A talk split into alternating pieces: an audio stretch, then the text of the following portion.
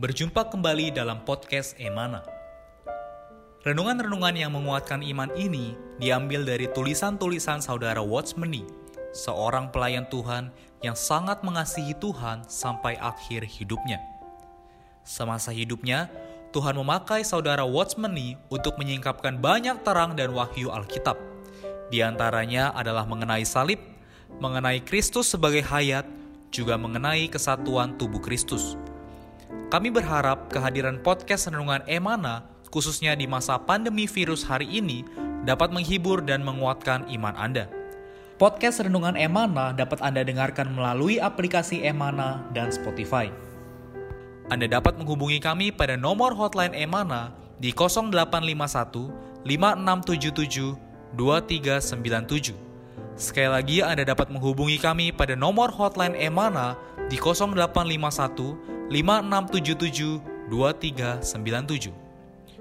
Buku-buku saudara Watchmeni secara lengkap dapat Anda peroleh di toko buku Yasmerin, Tokopedia, Google Playbook, atau di website resmi yasmerin.com. Selamat menikmati seri renungan hari ini. Puji Tuhan, atas kasih karunia-Nya, saudara-saudari sekalian, berjumpa lagi kita bersama-sama dengan saya Renard. Hari ini didampingi oleh rekan saya, saudara Irfan kita betul-betul mengucap syukur atas namanya yang penuh kuasa yang terus menyertai kita sampai hari ini. Saudari sekalian mendengar podcast yang mana, dalam minggu ini kita membahas mengenai menyeru nama Tuhan. Dan hari ini kita membahas dengan topik membangun suatu kehidupan yang menyeru nama Tuhan.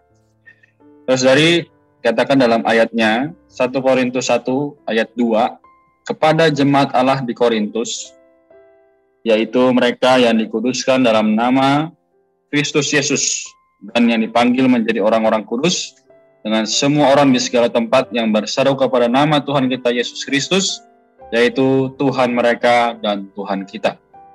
Saudara Irfan, menurut saudara apa yang bisa kita dapat dari ayat ini? Ya, baik, puji Tuhan. Ya, melalui ayat tadi ya, ayat yang kita baca, kita bisa melihat bahwa kehidupan gereja yang semula adalah kehidupan yang berseru kepada nama Tuhan. Ya, jadi orang-orang di Korintus, mereka yang sudah percaya kepada Tuhan, menerima Tuhan, mereka orang-orang kudus, mereka sadar mereka adalah orang yang dipanggil, dan mereka adalah orang yang berseru kepada nama Tuhan Yesus Kristus. Amin. Nah, Hal ini bisa kita lihat juga di kisah Rasul 9 ayat 14. Melalui ayat ini kita tahu ya, eh, Paulus sebelum menjadi Paulus, dia menangkapi orang Kristen. Bagaimana dia membedakan orang Kristen dengan orang yang bukan Kristen? Ya. Dengan cara menangkapi orang yang memanggil atau menyeru nama Tuhan. Jadi Paulus begitu mendengar, wah orang ini menyeru nama Tuhan, dia pasti orang Kristen. Dia yeah. memakai kuasanya waktu itu ya. Jadi melalui cerita ini, melalui ayat tadi, kita bisa melihat bahwa inilah kehidupan orang-orang yang percaya Tuhan di masa itu ya. Gereja sebermula. Mereka senantiasa berseru kepada nama Tuhan. Ya melalui persekutuan ini kita Semoga bisa tergugah kembali. Kiranya kita mau kembali ke apa yang menjadi hasrat hati Allah yang sebermula, yang baik, yang bisa kita teladani dalam kehidupan gereja kita. Amin. Kita mulai membangun suatu kehidupan yang menyeru nama Tuhan Amin. sama dengan orang-orang itu. Amin. Amin. Si Tuhan ya, saudari. Jadi betul sekali apa yang dikatakan saudara Irfan. Hari ini kalau kita lihat ya kenapa Paulus bisa menangkap ya mereka? Karena Paulus tahu bahwa oh ini orang ini berseru nama Tuhan dan kisah ini sebenarnya juga sering kita dengar ya saudari namun apakah kita sadar? Marilah kita membangun satu kebiasaan yang demikian. Jadi saudari dikatakan lagi kita telah melihat dengan jelas bahwa menyeru nama Tuhan adalah cara kita menikmati Tuhan. Ada perkara lainnya yang dapat dipersaksikan oleh beberapa orang Ketika kita memberitakan Injil kepada seseorang, cara terbaik adalah membantu dia membuka mulut menyeru nama Tuhan. Ketika yang lain menyeru nama Tuhan dengan kalian, roh mereka tanpa sadar terbuka kepada Tuhan. Ketika roh mereka terbuka, Tuhan Sang Roh yang hidup masuk ke dalam roh mereka dan mereka diselamatkan. Banyak saudara dan saudari dapat bersaksi untuk fakta bahwa cara yang paling cepat dan efektif memberitakan Injil adalah membantu orang menyeru nama Tuhan Yesus. Bagaimana? Benarkah demikian, Saudara Irfan? Ya, baik. Benar sekali ya pernyataan tadi ya. Nah, kita bisa lihat contohnya saat Paulus diselamatkan ketika dia bertemu dengan Ananias. Ya.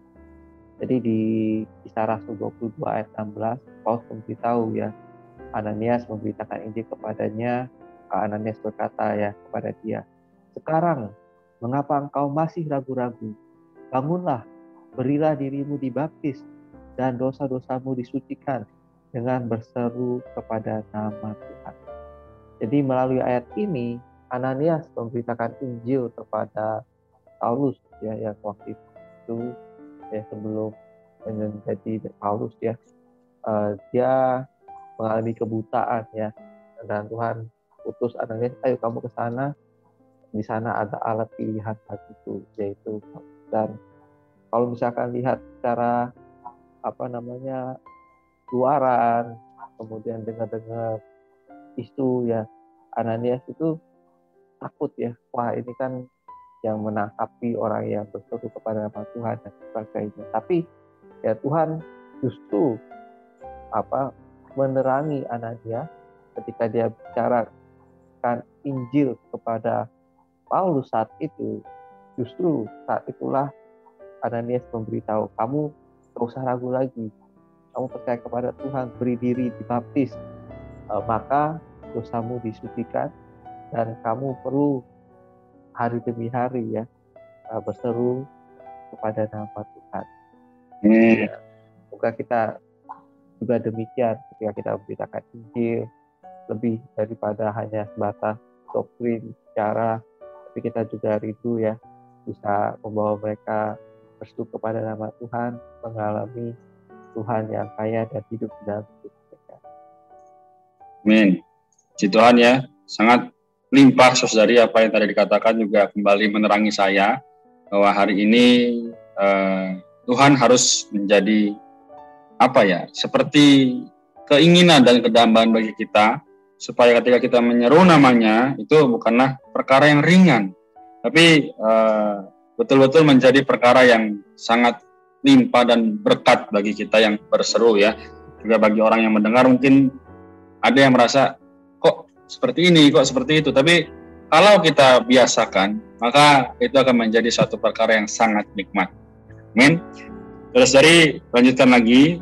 Perkara yang paling memuliakan Tuhan dan memberinya syukur dan pujian yang paling puncak adalah seruan kita kepada Tuhan oleh karena itu saudara dan saudari kita harus belajar untuk menyeru nama Tuhan dan kita juga harus belajar untuk membaurkan seruan nama Tuhan dengan doa baca firman jika kita mempraktekkan dua hal ini setiap hari, keseluruhan diri kalian akan dijenuhi dengan Tuhan.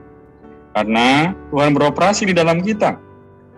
Kita harus belajar menyeru nama Tuhan sampai berseru ini menjadi kebiasaan alami dalam kehidupan kita. Pada abad pertama, semua orang Kristen yang tepat menempuh suatu kehidupan menyeru nama Tuhan. Saya tidak meragukan sama sekali bahwa mereka menyeru nama Tuhan setiap hari mereka menyeru nama Tuhan di rumah dan mereka menyeru nama Tuhan ketika berjalan di jalan. Saya berharap bahwa setiap dari saudara-saudari yang mendengar ya akan membangun praktek sedemikian sehingga bukan hanya orang-orang terdahulu saja bisa menikmati, tapi kita juga hari ini setiap saat bahkan setiap hari di mana pun kapan pun boleh menerima ini. Ya saudari jadi moga kita juga kembali dikuatkan. Namun bagaimana menurut saudara Irfan?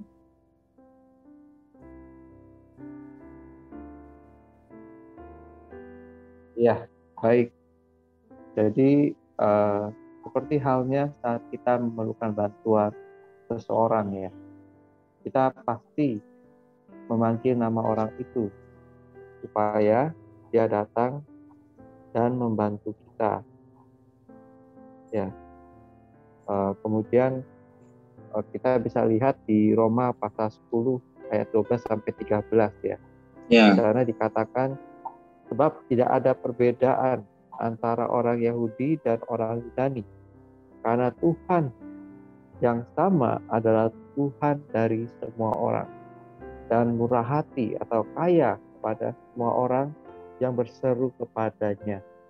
Sebab siapa saja yang berseru kepada nama Tuhan akan diselamatkan. Ya, melalui ayat ini kita tahu begitu kita berseru, Tuhan, Tuhan Yesus, ya, maka Tuhan kita itu akan menjadi Tuhan yang kaya. Jadi kita bisa menerima, menikmati kekayaannya melalui berseru kepada nama Tuhan, melalui berdoa, membacakan firman, ya kita menikmati kekayaan Tuhan. Semoga sepanjang kehidupan kita kita bisa mengalami keselamatan, mengalami Allah yang real, yang kaya, yang yeah. mungkin ya, waktu kita cukup di dalamnya. Mari kita punya kebiasaan kehidupan yang berseru kepada nama Tuhan. Amin.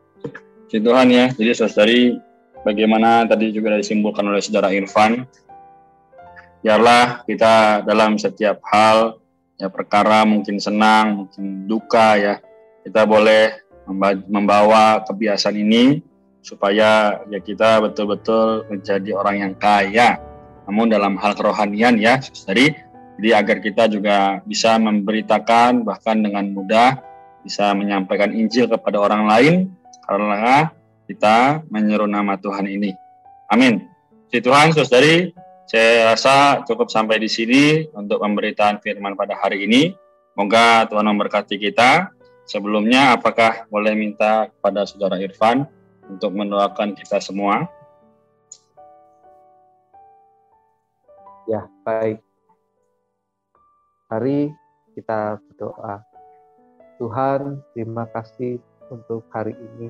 Kau telah mewakilkan kepada setiap kami kami perlu punya kehidupan yang berseru kepada nama Tuhan Yesus Kristus.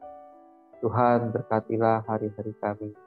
Jangan biarkan kami keluar undur dari padamu. Kami selalu rindu hari demi hari Tuhan. Kami ada di dalam dikau. Kami terus berseru kepada namamu. Mengalami dikau yang hidup yang mengarahkan, mengendalikan setiap diri kami. Oh Tuhan berkati kami semua. Jadikan kami penyeru-penyerumu Tuhan. Mohon kau yang berdaulat satu memimpin setiap langkah demi langkah setiap kami Tuhan. Dalam namamu kami sudah berdoa. Amin. Amin Puji Tuhan, terima kasih Saudara Irfan, terima kasih ya. saudari pendengar.